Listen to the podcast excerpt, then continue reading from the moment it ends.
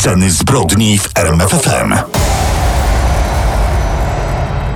Naprawdę włączyliście czwarty odcinek podcastu Sceny Zbrojnej? Naprawdę mało no wam? mówiłem, że są tacy odważni gracze, którzy Przecież no, to są trudne zrobią tematy. to czwarty raz. Przecież to jest męczący klimat, mroczne, kryminalne historie, jak możecie. Przecież można coś zrobić lepszego, nie wiem, posłuchać Chopina. Ale z drugiej strony, gdyby nie wy, to po co byśmy to nagrywali? Dzisiaj chcemy opowiedzieć o przypadkach mm, porwań do piwnicy. Absolutnie najtrudniejszy temat. Obok tych spraw naprawdę nie można przejść obojętnie. Z jednej strony ci, którzy, którzy to robili innym, czyli porywali i więzili przez wiele lat i w każdym z tych przypadków albo nie żyją, albo odsiadują wielokrotne dożywocie. Z drugiej strony mm, też ofiary. Ofiary, które w tym przypadku y, przeżyły szczęśliwie. Czy żyją szczęśliwie po czymś takim, trudno nam powiedzieć, ale no zresztą posłuchajcie, bo, bo to dobry materiał dla was. Zostańcie z nami, ale jeśli słuchacie tego podcastu wieczorem, koniecznie zapalcie światło. Daniel Dyk i Kamil Barnowski prezentują Sceny zbrodni w RMFFM. Dzisiaj naprawdę mocny temat. Jeden z tych najtrudniejszych, bo będziemy mówili o uprowadzonych, którzy przez wiele lat więzieni byli w piwnicach, y, schronach, mrocznych bunkrach. Te zbrodnie łączy to, że porywaczami są głównie mężczyźni, a ich ofiarami stawały się młode dziewczyny. Ale bywają też pary, małżeństwa porywaczy. Będziemy chcieli Wam pokazać pełne spektrum. Wśród porwanych zdarzali się też chłopcy i takie historie dzisiaj opowiemy. Wiesz, co mnie, Kamil, najbardziej mm, zatrważało, gdy, gdy siedzieliśmy nad aktami, gdy Mhm. przeglądaliśmy te przypadki, że to mogło zdarzyć się wszędzie, w każdej rodzinie. Właściwie decydował Zgadza się. przypadek, prawda? A mnie sponiewierało, w jaki sposób porywacze psychicznie zniewalali od siebie te małe dzieci. Po prostu w jaki sposób uzależniali je od siebie. No bo rzeczywiście w niektórych przypadkach po latach niewoli dzieci miały dość dużą swobodę. Mogły chodzić do kolegów po sąsiedzku, Mhm. mogły jeździć na przejażdżki rowerowe i nigdy te dzieci nie zdecydowały się uciec, wrócić do rodziny.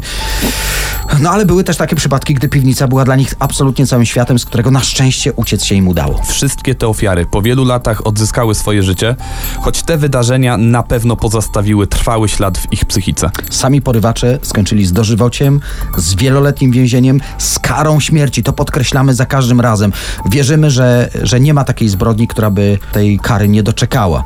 E, przynajmniej taka myśl nam przyświeca, kiedy, kiedy przeglądamy. A już za chwilę przypadki. jeden z tych najbardziej zdeprawowanych, Józef Fritzl i jego piwnica, czyli historia, która zbulwersowała cały świat. Sceny zbrodni w RMFFM. Wejdź do mrocznego świata przestępców. Myślę, że większość z nas od razu przypomina sobie tą niewyobrażalną historię, tak potworną, że sam chyba najchętniej schowałbym ją przed światem. Piwnica Józefa Fritzla. Austriak Józef Fritzl, skazany w 2009 roku na dożywocie. Główny zarzut porwał i przez 24 lata, podkreślam, przez 24 lata więził w podziemiach rodzinnego domu w Amstetten swoją córkę, która do tego urodziła mu siedmioro dzieci. Ta makabryczna historia zaczyna się w sierpniu 1984 roku. Elżbieta ma 18 lat, jej ojciec Józef zwabił ją do piwnicy. Ona jeszcze nie wie, że to więzienie będzie przez dekady jej domem, torturą i całym światem. Matka Elżbiety oczywiście zgłasza zaginięcie, ale Fritzl, żeby uspokoić żonę i przede wszystkim policję, zmusił córkę do pisania listów, w których informuje ona, że no po prostu uciekła z domu. I to nie daje mi spokoju. Pani Fritzl żyła pod jednym dachem z mężem, który przecież musiał znikać do swojej piwnicy na długie godziny. Chodziła po domu, w którym było wejście do tej piwnicy. Córka była zaledwie kilka metrów od niej. No niewyobrażalne, że niczego nie zauważyła przez 24 lata. Spróbuję odpowiedzieć na kilka Twoich y, wątpliwości, no bo właśnie jak w tym czasie wyglądało życie Elizabeth, jak wyglądała piwnica Fritzla i jak sprawa wyszła w końcu na jaw. O tym już za moment w scenach zbrodni w RMF FM. Sceny zbrodni w RMFFM. Ciąg dalszy za chwilę.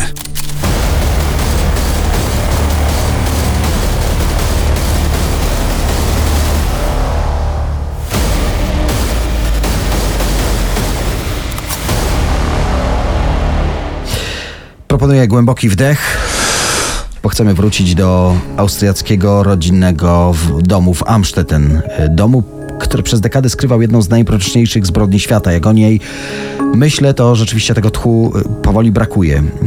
Piwnica Józefa Fritzla. Wyobraźmy sobie betonowy schron z ukrytym wejściem. Przez nie dostajemy się do kolejnych małych pomieszczeń. Każde zamykane drzwiami z solidnym zamkiem. Ósme drzwi, ostatnie, zamykane na zamek elektryczny. I właśnie za tym labiryntem małych pomieszczeń znajduje się kilka pokoików, łazienka, kuchnia. Tu właśnie 24 lata spędziła Elizabeth Fritzl. 24 lata. Więziona przez swojego ojca. Tu urodziła mu siedmioro dzieci. Sceny zbrodni w RMFFM. Niemniej przerażające jest to, że Józef Fritzl zaczął planować swoją bestialską zbrodnię, gdy jego córka miała zaledwie 12 lat. Już wtedy zaczął budowę tego jej przyszłego więzienia. No i już wtedy też miało pojawić się coś, co dzisiaj media nazywają po prostu złym dotykiem. Powiedziałeś o siedmiorgu dzieci, tak? Jedno zmarło po urodzeniu, to powiedzmy słuchaczom, jaki był los pozostałej szóstki. No tak, to też bardzo ciekawy aspekt. Troje było w tej dźwiękoszczelnej piwnicy wraz z matką. Wyobraźcie sobie, że pozostałą trójkę Józef Fritzl wychowywał jakby nigdy nic wraz z żoną. Żonie i rodzinie w ogóle wmówił, że, że Elizabeth, przypomnijmy według jego chorej wersji, uciekła z domu. Miała zostawić te dzieci na progu y, tego rodzinnego domu, bo sama nie potrafiła się nimi zająć. I tutaj, jak każdy przykładny rodzic, jeśli jego córka bądź syn nie radzi sobie ze swoim własnym potomstwem, Bierze no to na mu, siebie ten tak, ciężar, po prostu prawda? mu pomaga. I, Kochany wzorowy tato. I wszystko trwałoby może dłużej, gdyby nie 2008 rok. Wtedy ciężko zachorowało jedno z dzieci przetrzymywanych z matką w piwnicy. Fritz zawozi je do szpitala, ale jego nerwowość i podejrzane zachowanie od razu zwraca uwagę lekarzy. No i oczywiście oni wzywają czujnie policję. To wtedy wychodzą na jaw te jego bestialskie zachowania, ten jego okropny, demoniczny plan. I wtedy o tym usłyszał też cały świat, chociaż myślę, że mogę dzisiaj powiedzieć tak, że do teraz cały świat do końca nie, nie wierzy w tę historię. A już za chwilę nie mniej głośna historia cudów Missouri, ale zanim ten cud się wydarzył, 11-letni chłopiec przeżył niewyobrażalne piekło. Sceny zbrodni w RMFFM. Wejdź do mrocznego świata przestępców. Tym razem 11-letni Sean, który wyszedł z domu na chwilę, pojeździć na rowerku, no i ślad po nim zaginął na Przy 4 tej lata. sprawie nagłówki prasowe internetowe pytały przede wszystkim, dlaczego nie uciekł od swojego porywacza. No właśnie, porywacz go uzależnił od siebie. Jak to się stało? Może zacznijmy od, od 6 października 2002 roku. Sean Hornbeck y, wtedy miał 11, 11 lat. lat. Tak. Obok jego domu przejeżdża biały pick-up, kierujący nim Michael Devlin. Od miesięcy objeżdża okolice, czekając na jakąś sposobność, szansę.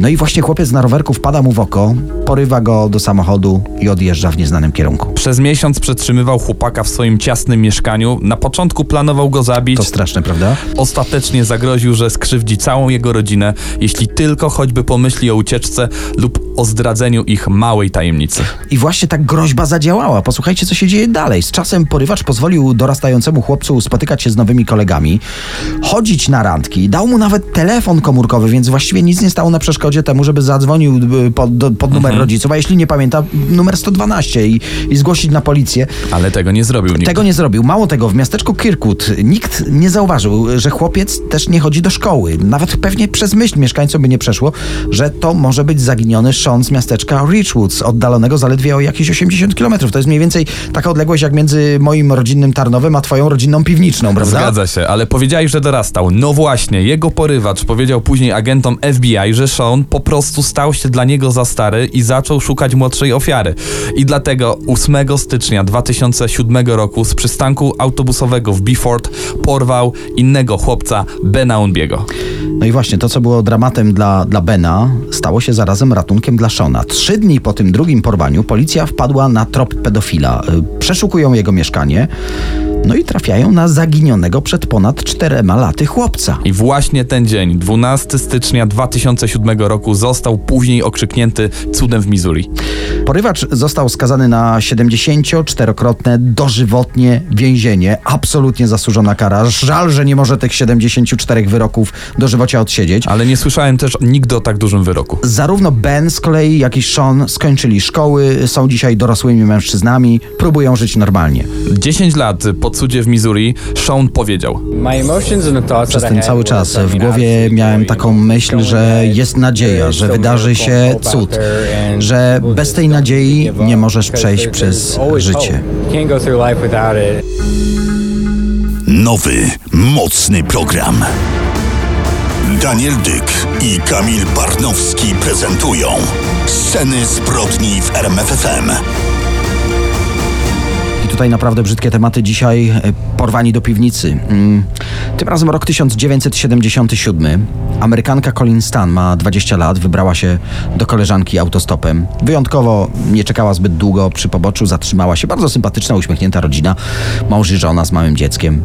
Czy tacy ludzie mogą być niebezpieczni? Oczywiście chętnie skorzystała z tej podwózki. Z późniejszych wydarzeń wiemy, że wyglądająca niegroźnie rodzina hookerów zgotowała jej piekło trwające 7 lat, które potem stało się inspiracją do powstania filmu Girl in the Box. Małżeństwo zaproponowało Colin zwiedzanie lodowych jaskiń, to jest właściwie po drodze, więc dlaczego nie? Gdy w mniej uczęszczanej okolicy samochód zjechał na pobocze, kierowca zmienił się diametralnie, Cameron Hooker nagle stał się bezwzględnym porywaczem, wyciągnął nóż i wszystko później dzieje się błyskawicznie. Od razu na głowę dziewczyny zostaje założona specjalna skrzynia z metalowymi okuciami. Resztę podróży, skrępowana sznurem Colin, spędziła już w bagażniku. Stamtąd trafiła do domu Hookerów, przykuta kajdankami do haka, spędziła uhu, następnych wiele godzin, rozebrana, torturowana. A to był tylko początek prawdziwej gehenny. Co kilka godzin on wracał do niej. Niedawno przeczytałem autobiografię Colin Stan i wynotowałem sobie takie dwa cytaty, które pokazują dramat tej dziewczyny. Robił mi takie rzeczy, jakich normalny człowiek nie potrafi sobie nawet wyobrazić.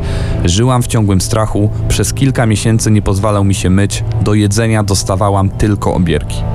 Kolejne lata spędziła, no właściwie w drewnianej skrzyni przypominającej trumnę. Małżeństwo tę trumnę trzymało pod łóżkiem, w którym spali. Aby wyperswadować jakiekolwiek próby ucieczki, przekonali też dziewczynę, że należą do międzynarodowej organizacji handlującej niewolnikami i ta organizacja bez przerwy monitoruje zachowanie porwanej. Wszelkie oznaki nieposłuszeństwa oznaczały, że ucierpi rodzina i bliscy dziewczyny, dlatego Colin była bezwzględnie posłuszna. Niespodziewanie ratunkiem dla niej okazała się żona, czyli Janice Hooker, od początku bardzo biernie wykonująca polecenia męża, była przez niego maltretowana. Po którejś z licznych awantur powiedział, że przestanie ją bić, jeśli w zamian znajdzie sobie niewolnicę i przypadek sprawił, że, że trafili na Colin. Po siedmiu latach znęcania się nad Colin, Hooker się nią znudził, znów zaczął maltretować żonę, ale wtedy ona zebrała się na odwagę, pomogła uwięzionej dziewczynie uciec i doniosła na męża na policję. Jednak od porwania minęło aż 7 lat. 7 lat tortur spędzonych w kajdankach i drewnianej skrzyni. Spędzała w niej nawet po 22 godziny na dobę. Niewyobrażalny dramat. W tym kontekście powiem, że Cameron Hooker został skazany bardzo łagodnie na jedynie 135 lat więzienia. Sceny zbrodni w RMFFM.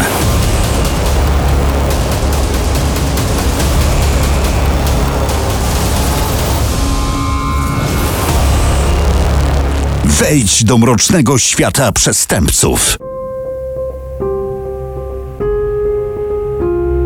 Natasza Kampusz. To jest kolejna historia. Austriaczka, która w wieku 10 lat została uprowadzona przez Wolfganga Priklopila, pracującego kiedyś jako inżynier w znanej firmie elektronicznej. Przez 8 lat była przetrzymywana w jego domu. Scenariusz tego uprowadzenia był bardzo podobny do innych takich dramatycznych historii. Jej porywacz, Priklopil, przez miesiące obserwuje i śledzi swoją przyszłą ofiarę, przygotowując dokładny plan działania i 2 marca 1998 roku wciąga do swojej furgonetki dziewczynkę idącą do szkoły, a następnie przewozi ją do swojego mieszkania w niewielkim miasteczku na północ od Wiednia. W piwnicy swojego domu zbudował specjalny pokój dla Nataszy. Skądś to znamy. Już podobną historię słyszeliśmy przy okazji piwnicy Fritzla, prawda? Też Austriaka. Niestety tak. Pomieszczenia bez okien, wyposażone tylko w piętrowe łóżko, zlew i toaletę. Dodatkowo do pokoju prowadził labirynt wąskich korytarzy, a drzwi zostały zabezpieczone betonową pokrywą. Wmawiał jej, że rodzina nie chciała zapłacić za nią okupu, a ze znajdującego się w jej pokoju głośnika wybrzmiewał cykliczny komunikat: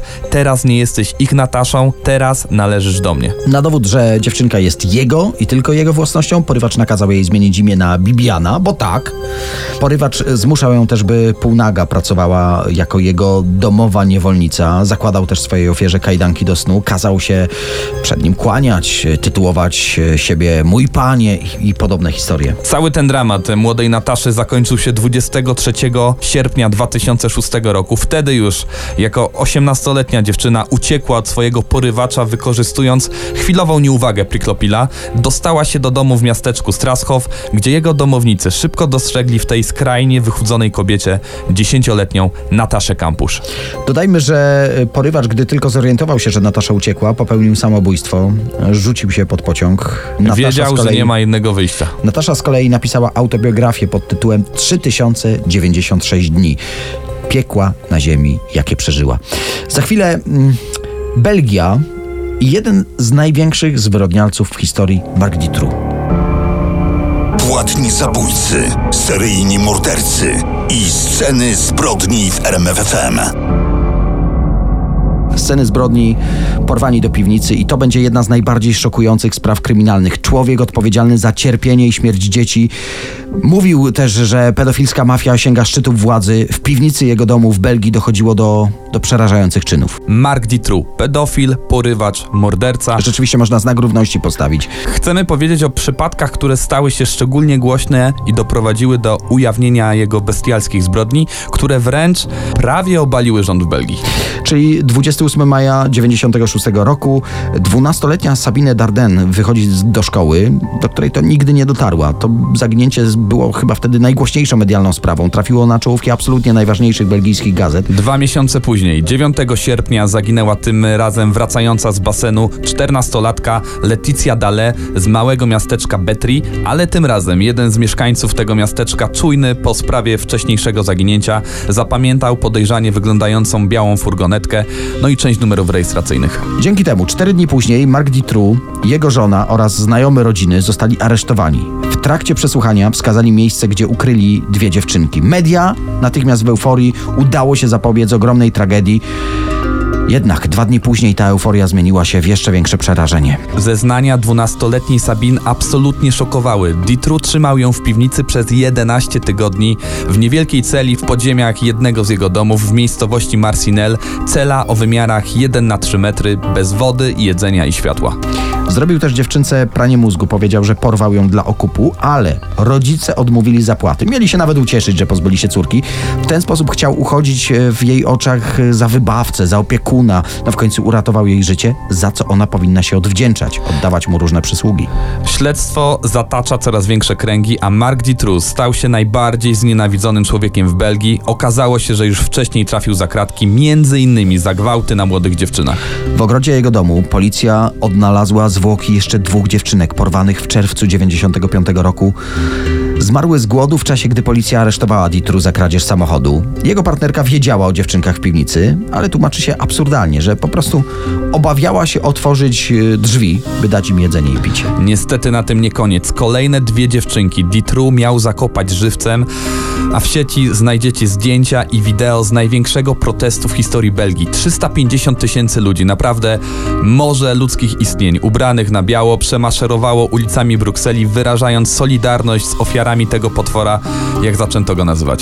Zaczęły zgłaszać się też inne ofiary, a śledztwo objęło wiele wpływowych osób, które miały mieć związek z międzynarodową siatką pedofilów. I w tym śledztwie to dopiero się działo, Tak. bo spośród podejrzanych i świadków aż 20 osób po prostu zginęło w dziwnych okolicznościach. Zaczęły też ginąć kluczowe dla śledztwa dowody, innymi testy DNA. Po sześciu latach takiego śledztwa policji ostatecznie nie udało się wykryć dowodów na istnienie szajki. No a co z Ditru? No został skazany na dożywocie, jego partnerka na 30 lat więzienia, a ich wspólnik na 25 lat. Bestia naprawdę dużego kalibru. Sceny zbrodni w RMFFM.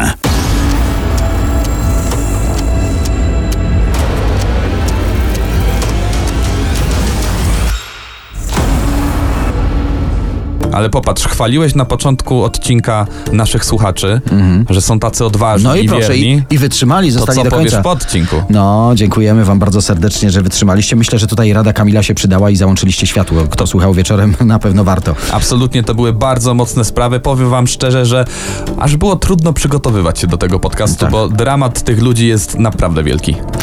O czym za tydzień? A może już leży ten odcinek, piąty odcinek podcastu Sceny Zbrodni w RMF FM, wojny gangów i to te największego kalibru, ale przy okazji pamiętajcie, że to jest y, pokłosie tego, co robimy w radiu, w każdą niedzielę po 22 w radiu RMF FM. Więc jeżeli chcecie jako pierwsi usłyszeć te, mam nadzieję, także dla Was ciekawe wątki i tematy, włączcie radio RMF FM w każdą niedzielę. Ale wiesz co, na dzisiaj już wystarczy. Co, idziemy do domu? Tak. Idziemy, to, to my gasimy światło, idziemy do domu, ale ty gasisz światło, ja wychodzę pierwszy. Na wszelki wypadek! Pa, pa. Daniel Dyk i Kamil Barnowski prezentują Sceny zbrodni w RMFFM.